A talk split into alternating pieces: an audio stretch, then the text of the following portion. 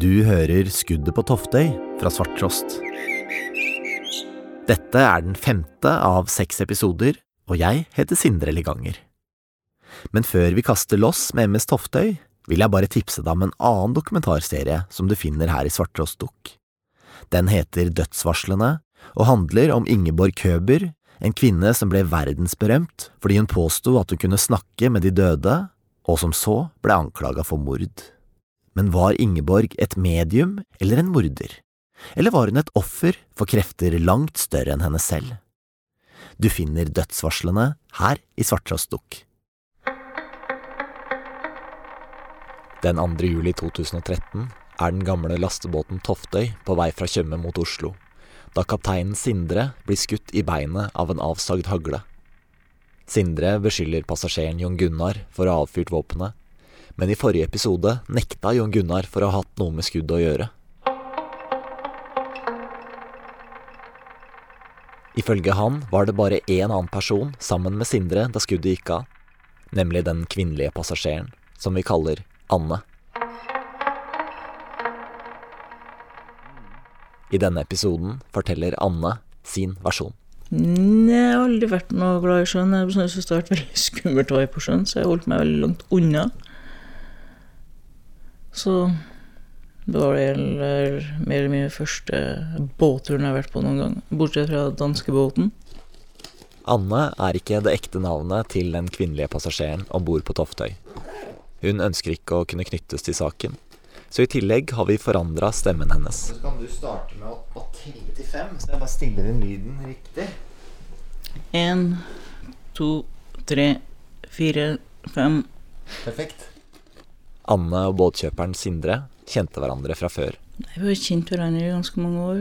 Jeg tror vi møttes på et hospits. Men akkurat på det tidspunktet der så møttes vi jo ganske ofte. Vi hang sammen daglig, tror jeg. Og ja. Som venner flest gjør.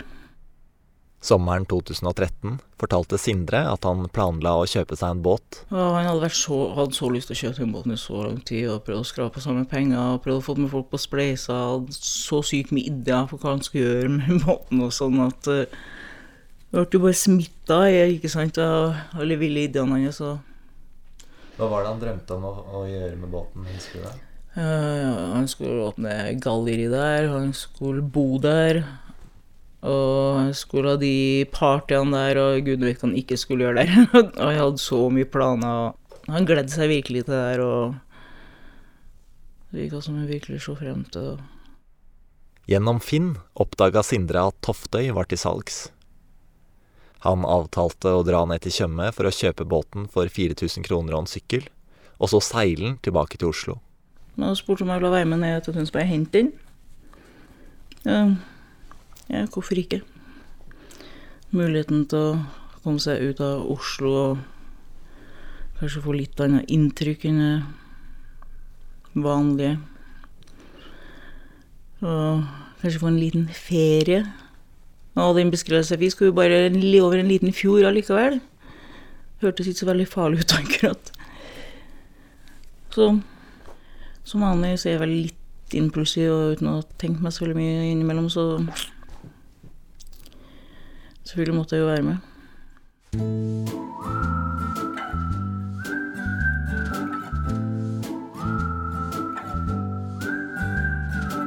Natta til den 2. juli 2013 drar Anne bort til leiligheten til Sindre. Der møter hun resten av mannskapet, Jonny og Jon Gunnar. Jeg har aldri sett dem før, og det er kanskje grunn til det. Jeg trodde det var gode kompiser av Sindre, det var tydeligvis ikke var. Og en var vel med for å ha lov til å hjelpe en Sindre med penger og sånn. Og han andre han virka bare rimelig gal, egentlig.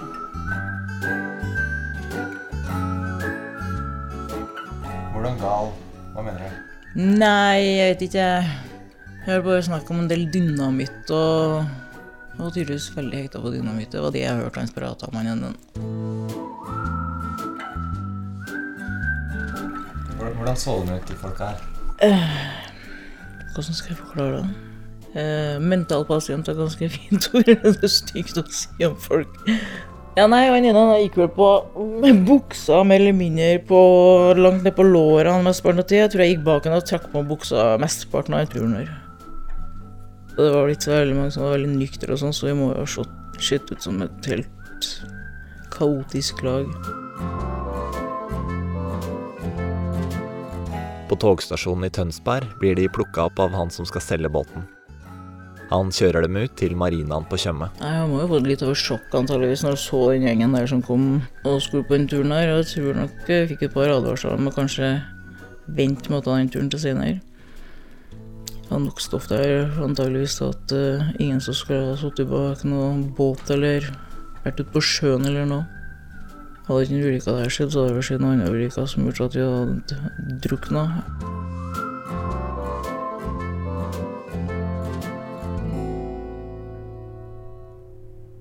Mens Sindre og båtselgeren går gjennom båten, forteller Anne at hun setter seg i lugaren og tar seg en lur. Ifølge henne vekkes hun etter hvert av at Sindre og Jon Gunnar krangler. Så jeg våkna til bråket av at jeg tror han ene som var med, også pissa på gulvet nede i båten. Og det er ikke akkurat er normal oppførsel å pisse på gulvet til folk som skal bli stuegulvet til folk. Jeg mener For han hadde et helt hav å ta av. Og så måtte han gå ned i båten, liksom. Det Jeg vet ikke hvorfor Sindre lot han bli med på den turen etter de krangla og sånn. For han ba jo om å gå av båten og sånn, og det ville ikke han, så Jeg vet ikke helt. Rundt klokka tre legger Toftøy fra brygga på Tjøme og setter kursen opp Oslofjorden. Sindre bestemmer at Jonny og Jon Gunnar ikke får lov til å oppholde seg i styrhuset. Ifølge Anne forsvinner de ned under dekk. Jeg og Sindre vi satt jo oppi satt vi, Vi bytta på styrbåten. Og så ikke noe til de andre i hele tatt på lang tid. Og vi hadde det artig. Vi satt der og fleipa og, og rusa oss og Jeg står og hyler og skrek. Skal jeg svinge til høyre eller venstre, eller venstre? Og tror med å bare kjøre rett fram på nærmeste skjæret hvis han ikke svarte og sånn. og at vi i hele tatt klarte å komme oss en meter framover, det er jo helt utrolig. Etter hvert kommer Jon Gunnar opp på brua igjen. Ifølge Anne begynner han og Sindre å krangle. De hisser seg opp mer og mer og mer, og det virker ikke så veldig alvorlig, egentlig. Der og da, liksom. Jeg er vant til at folk krangler, og, og så prøver de andre å og liksom skal begynne å bestemme og et eller annet. Jeg hørte Sindre og henne krangle om mat, og Sindre bare sa det er min båt, jeg bestemmer, så Og så ja, det virka som de hadde roa seg ned, de ble venner igjen. og Nok til at Sindre i hvert fall torde å sitte med ryggen til døra og ta det helt med ro, liksom.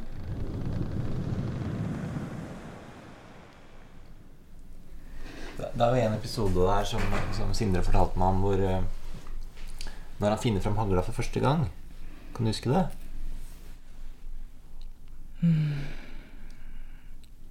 Jeg husker jeg ba meg gå ned og hente en bag som jeg var nede og henta.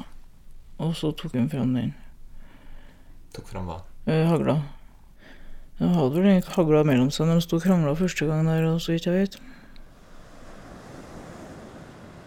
Etter hvert overlater Sindre roret til Anne og forsvinner inn på et lite bakrom. Mm, Det var veldig skummelt.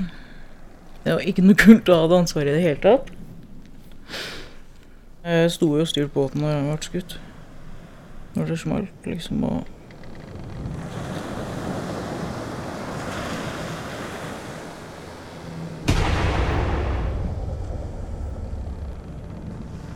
Jeg hørte ingenting før etter Jeg hørte bare plutselig peip i ørene mine. Så hørte jeg absolutt ingenting. liksom. Det bare gjorde så vondt.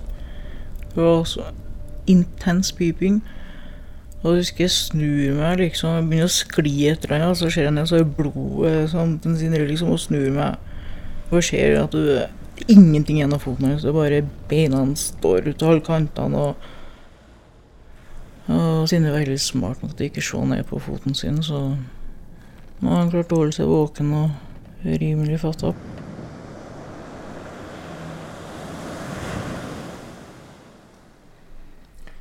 Hvis, hvis vi går litt tilbake i tid, altså før, før eh, Sindre ble skutt Husker du hva Sindre gjorde?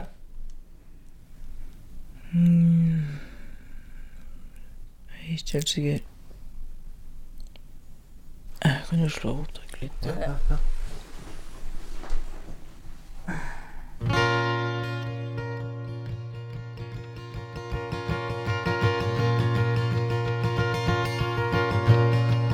Under intervjuet har Anne blitt bleik og holder hendene foran ansiktet. Vil du ha en liten pause?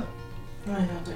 Ja, ja, ja nei, vi kan ta strekke litt på oss og Hun sier det er første gang på lenge at hun tenker igjennom hva som skjedde om bord på Toftøy. Jeg har ikke snakka med noen det siden jeg satt på glattcella og sitta på gravsforløpet Sindre, så Ja, ikke sant?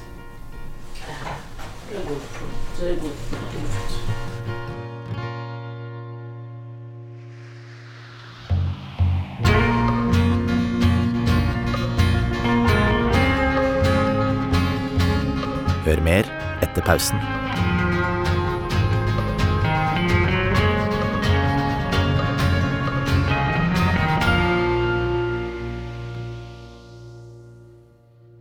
Podkasten er sponsa av Gjensidige.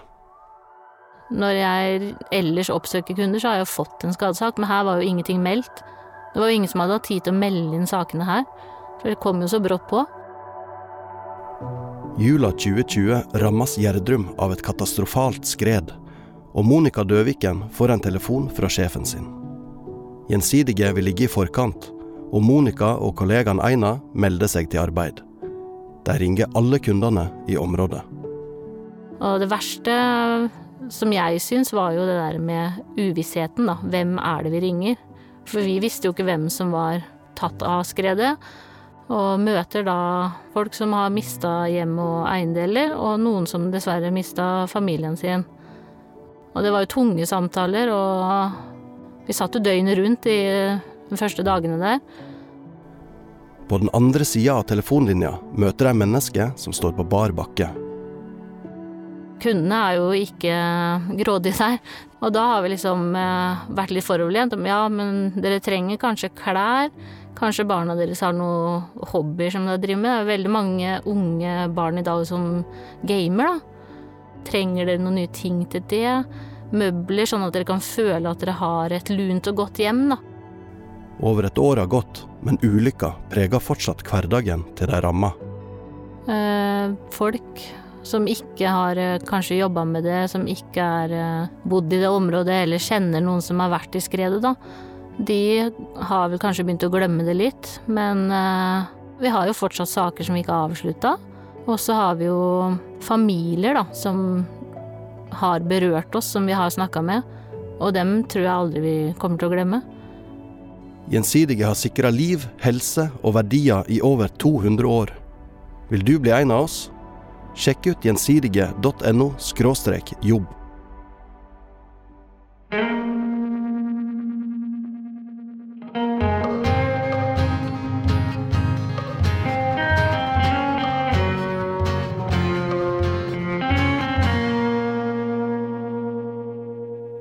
Midtveis i intervjuet med Anne begynte hun å føle seg dårlig.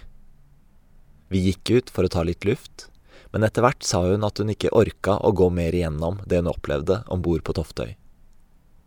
Vi avtalte å prøve igjen seinere, og siden da har jeg møtt henne flere ganger, men når vi har satt oss ned for å gjøre ferdig intervjuet, blir hun uvel og lei seg. Ifølge Anne var det vondt å bli beskyldt og sikta for å ha skutt kameraten sin, og hun føler at hun ikke har fått hjelpen hun trenger for å takle det hun opplevde. Skal vi se For båndet så sier jeg at klokka er 12.36. Det er avhør av eh, i sak 1250 3489. I stedet for å fullføre intervjuet, har Anne gitt oss tilgang til opptakene av avhøret hennes hos politiet i Tønsberg. Og så er det litt viktig at du prøver å snakke litt høyt, så at vi hører hva du sier. Det er jo mikrofon der da, også der, men det er viktig at du litt sånn skjønner hva du sier for noe. Klokka 12.26 den 3. juli, altså etter én natt i arresten, har Anne blitt henta inn på avhørsrommet av en kvinnelig politietterforsker. Avhørsrommet har hvite vegger og teppe på gulvet. Anne sitter i en svart lenestol i et hjørne med et hvitt teppe rundt seg. Mellom henne og etterforskeren er det et bord med to kopper, noen ark og en mikrofon. Du er sikta, og er pågrepet og sikta i forbindelse med at eh, politiet mistenker deg for å eh, ha hatt noe med skytingen av Sindre Jarl Elder å gjøre i går. Eh, sånn at han fikk store skader om bord på den båten som var ute i skjærgården her i går på ettermiddagen. Kutt. Andre i sjuende. Det er det som jeg ønsker forklaring om. Det er det vi skal snakke om her nå. Anne sitter i sokkelesten og ser mest ned i gulvet og snakker lavt. Etterforskeren spør om hun har lyst til å ha en forsvarer til stede under avhøret. Det er også sånn at du har krav på forsvarer både nå og videre i saken hvis du skulle ønske det. Anne rister på hodet. Jeg har ikke hatt noe forslag. Nei.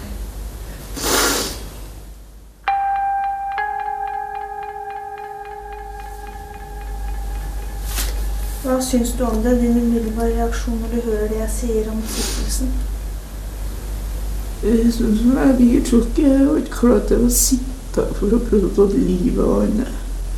Jeg skjønner ikke hvordan man kan Det er det er det ikke. Du er sikta for legemsskadigelse. Samme søren. Ja, ok. Men det er det som politiet har, har satt som begrunnelse for hvorfor du er her, da. Men vi vil jo vite hva din rolle er. Vi, får jo, vi kommer jo dit og får det en, et sett med, med informasjon. Og så må vi prøve å samle trådene. Og dere var der ute. Ja. Og dere veit hva som skjedde der ute. Derfor så må vi prate med dere. ja.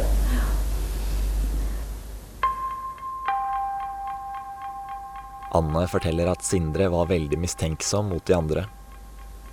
Han hadde vært våken hele natta, og ifølge Anne stolte han ikke på andre enn henne. Han har vært veldig mistenksom overfor Lars. Når du sier at han var mistenksom, hvordan oppførte han seg? Hva var, han, hva var det som gjorde at du tenkte det? Han trua kompisen med hadde Han trua kompisen med det. ja. Mm. Anne forteller at Jon Gunnar og Sindre begynte å krangle fordi Sindre hadde tatt med seg våpen om bord. Når, når du så først våpenet, eh, hvor, hvor hen på båten så du Hvor tok han det fram fra? Han ba meg å hente en svart bag som jeg hentet, og Han hadde henta den, så tok han opp derfra. Litt tidligere på turen hadde han bedt Anne om å hente bagene deres fra lugaren. Anne hadde gjort som hun fikk beskjed om. Han ba meg hente alle tingene for at han ikke sto på dem som satt nede. Ja. Mm. Hva gikk det på, da? Det hva han trodde de skulle gjøre? Hva var det han trodde de skulle gjøre, spør politiet til forskeren. Jeg vet ikke. Jeg gadd ikke spørre noen. Han tok det frem bare for å være sikker. Han tok det fram bare for å være sikker. Ja. Jeg vet ikke. Jeg vet ikke hva som foregikk i hodet hans. Jeg kan ikke vite. Jeg skjønner det. Jeg må bare spørre. Det blir mye spørsmål, men det, det er litt viktig for oss.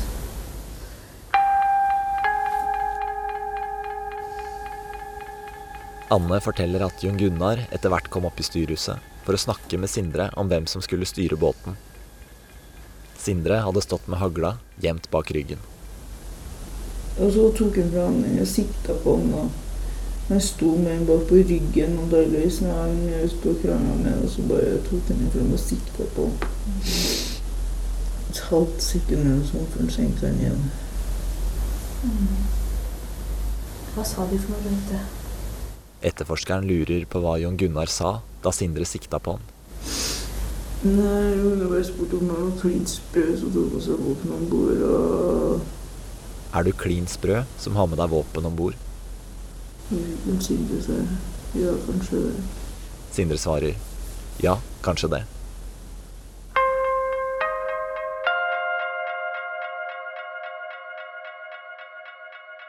Mens det her skjer, står Anne og styrer båten. Hun hører Jon Gunnar si at han må få lov til å gå ned under dekk igjen for å forhindre at Jonny ringer etter hjelp. Så mener jeg ringe politiet eller whatever. Jeg vet ikke. Jeg følte ikke så veldig mye med på samtalen, for at jeg var mer opptatt av å unngå å kjøre på et eller annet skjær ute i sjøen der. Jeg tok ikke akkurat ting så veldig alvorlig at jeg følte meg på alt som var for Jeg hadde ikke regna med at det var en idiot skulle skjøte seg sjøl i beinet, og at jeg skulle bli sikta på drapsforsøk eller legemsbeskadigelse. Hva faen du ikke kalle det. Jeg skjønner, men det, det kan være ting som er viktig for oss å vite. Det er derfor jeg må spørre om det. Jeg vet. Mm.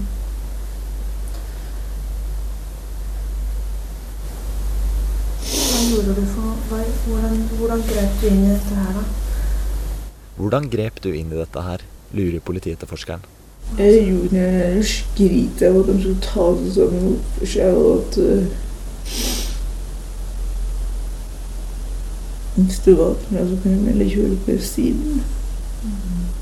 Anne ber dem roe seg ned og gjøre opp senere.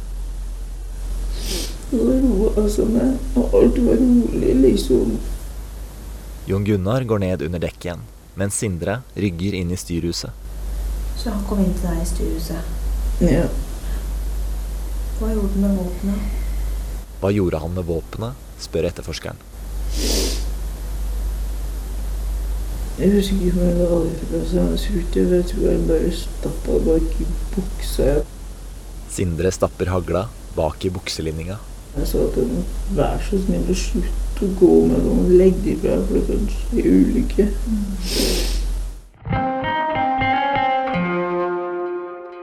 Anne forteller at litt etter krangelen med Jon Gunnar, gikk Sindre inn på bakrommet i styrhuset med hagla stukket ned i bukselinninga. Hvor langt ned i buksa den stikker stikkende? Så han ikke visste sånn rundt. Så det nesten ikke vistes. Ja.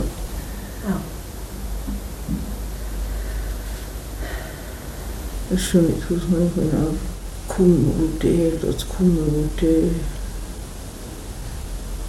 sånn gikk av. Jeg skjønner ikke hvordan han kan ha kommet borti så den gikk av. Jeg skjønner ikke hvordan det kan være mulig. Var avtrekkeren på oversida av bukselinjen eller under? Det må ha vært under i tilfelle. Avtrekkeren var under bukselinninga. Kan du prøve å vise hvor mye som stakk over, som du så? Det var bakgrunnen som stakk over, så så vidt synlig. Ja, hva er så vidt? Prøv å vise med fingrene dine. Så mye, kanskje. Såpass mye. Nesten bare en 5-10 centimeter. Ja. Bare 5-10 centimeter var synlig.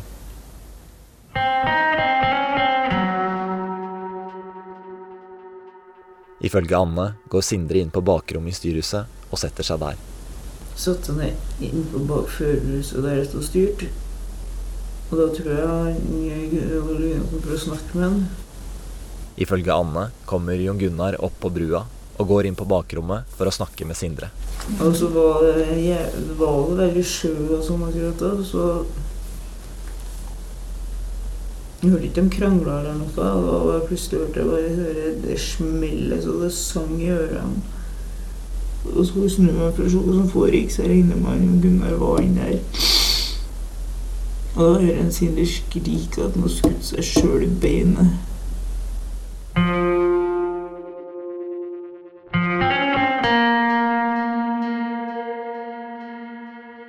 Det Anne forteller her, stemmer ikke overens med det Jon Gunnar selv har fortalt. I både avhøret sitt og i forrige episode fortalte han at idet skuddet gikk av, sto han i trappa fra lasterommet opp til dekket, og ikke inne på bakrommet i styrhuset. Jeg husker med en gang jeg snudde meg, så var det så må ha vært i rommet. Anne sier med en gang jeg snudde meg, så var han inne på rommet der. Og han var der idet du snudde deg etter at du hadde hørt at det smalt. Ja, Da var han inne på rommet der. ja. Hvor, jeg, må, jeg må spørre sånn, hvorfor tror du det? Hva, For den var der så kjapt for å forbinde blødningene og sånn. Men så kan jeg ha tatt i for at det, det, det smellet der, det slo ut hørselen min i ganske lang tid. Det var jo, det var jo bare en halvmeter unna når den gikk av. Så neste gang du ser Gunnar etter krangelen, er når skuddet har gått av? Ja. Jeg er ganske sikker på at han ikke skjøt med tror. Jeg er ganske sikker på at Jon Gunnar ikke skøyt, hvis det er det dere tror, sier Anne. Mm. Hva gjør deg sikker på det? Fordi at Sindre sa at han hadde skutt seg sjøl i beinet. Fordi Sindre sa at han hadde skutt seg selv i beinet. Ja, det er det her som er litt uklart for oss. Hva er det egentlig som har skjedd, da?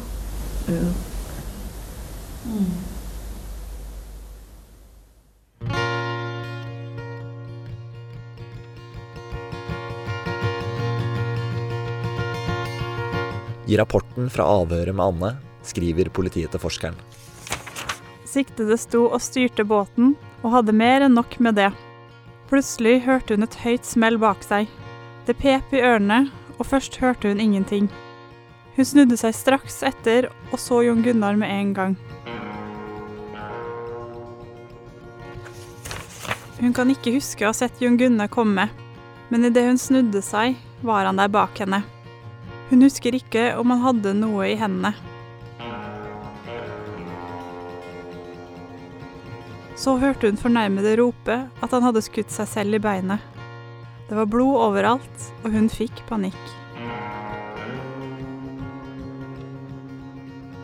Hun så ikke noe våpen før hun så at Jon Gunnar holdt den avsagde hagla med begge hendene. Han kastet den i sjøen.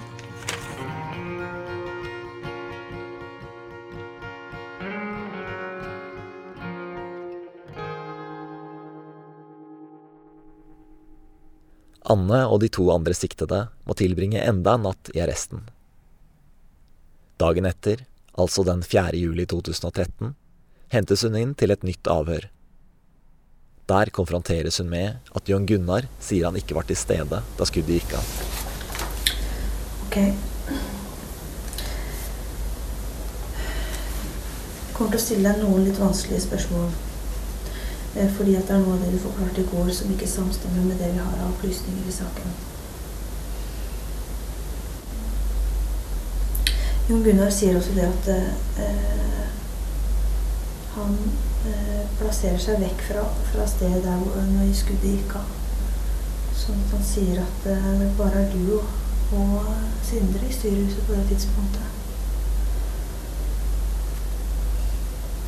Hvordan i helvete er det at han kom så jævla fort opp dit og så forbi såra hennes da? Hvordan kom han seg så fort opp dit for å forbinde såret hans da? Nei, hva tenker du om det? Jeg sverger på at hun satt ned og snakka med Sindre ute. Anne sier at hun ikke kan sverge på at Jon Gunnar gikk inn på bakrommet for å snakke med Sindre. Men da han kom springende jævla fort opp dit i hvert fall.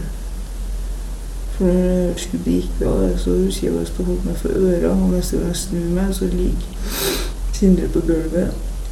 Og Jon Gunnar står og forbinder såra hennes. Du sa til meg i går at du hører skuddet, og så snur du deg, så drar du det første du ser er Jon Gunnar. På gulvet, på forbinder foten til en syndere. På gulvet. Ja. Fortell meg Har du noe, har du noe erindring av å ha sett at han kom? Jeg syns jeg husker at han gikk inn her for å snakke med Sindre, at han lukka døra, men jeg husker ikke 100% sikkert.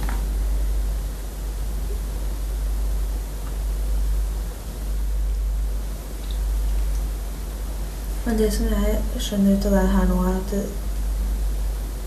du kan ikke si med 100% sikkerhet at eh, Jon Gunnar var inne i bakrommet der. Men du syns huske at han kom og satte seg bak deg og lukka døra. Ja, derfor han skulle snakke sammen. Hvem skulle snakke sammen?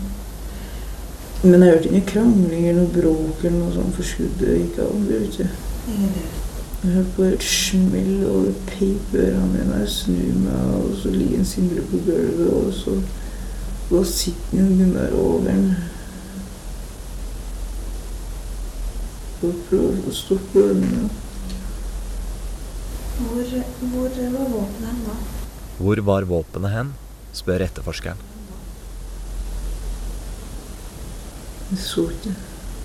Jeg så det ikke, svarer Anne. Neste gang jeg så det, så var hendene til Gunnar kasta over bordet.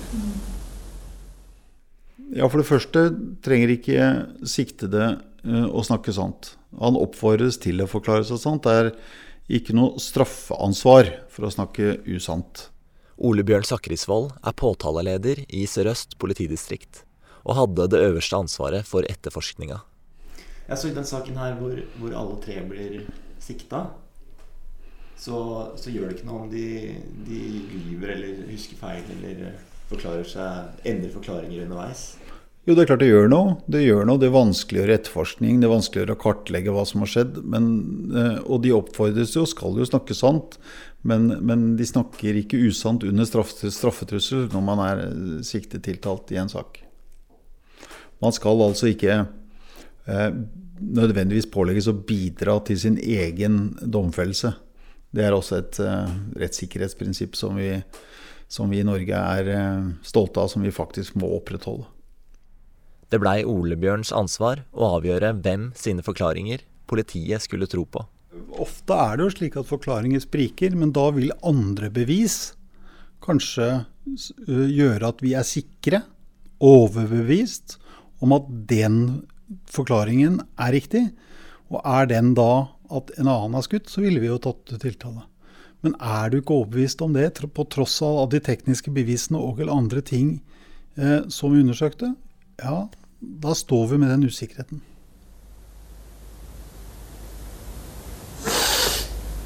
I avhørsrommet sitter Anne fortsatt i sokkelesten med det hvite teppet rundt seg.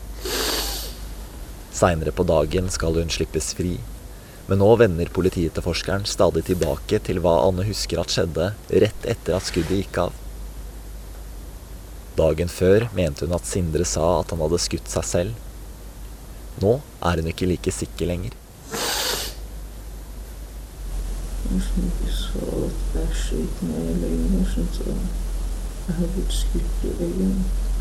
Kanskje han ikke sa 'jeg skøyt meg i leggen', men 'jeg har blitt skutt i leggen'. Hva er det som gjør at du tenker nå at jeg kan ha sagt noe annet? da? Hva er det som gjør at du tenker nå at han kan ha sagt noe annet, spør politietterforskeren. Det virker så sannsynlig at Det virker så usannsynlig, sier Anne. Jeg tror vi avslutter der. Jeg skjønner at du ikke erkjenner straffskyld for å ha skutt Sindre i legen.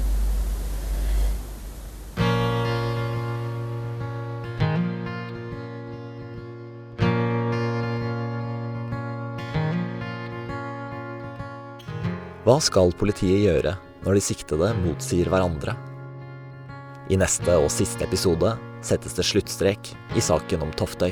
Hadde han ikke tatt med hagla om bord, hadde han ikke skulle kjøpe ei båt uh, som han ikke hadde kompetanse til, uh, ja, så hadde jo ikke dette vært noe problem.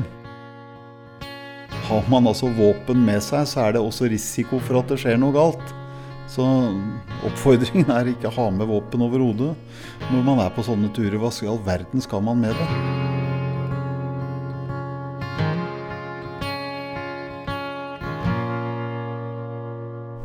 For å legge skylda på han, det er ikke det. Men tenk haglen borte, hadde det vært en skuddskade.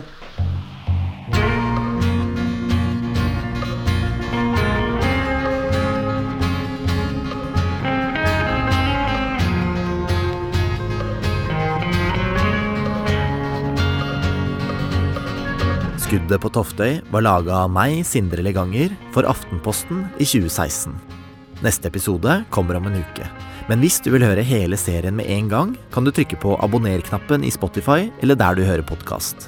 Da er du samtidig med å støtte alle oss her på Svarttrost, sånn at vi kan lage flere poddokumentarserier.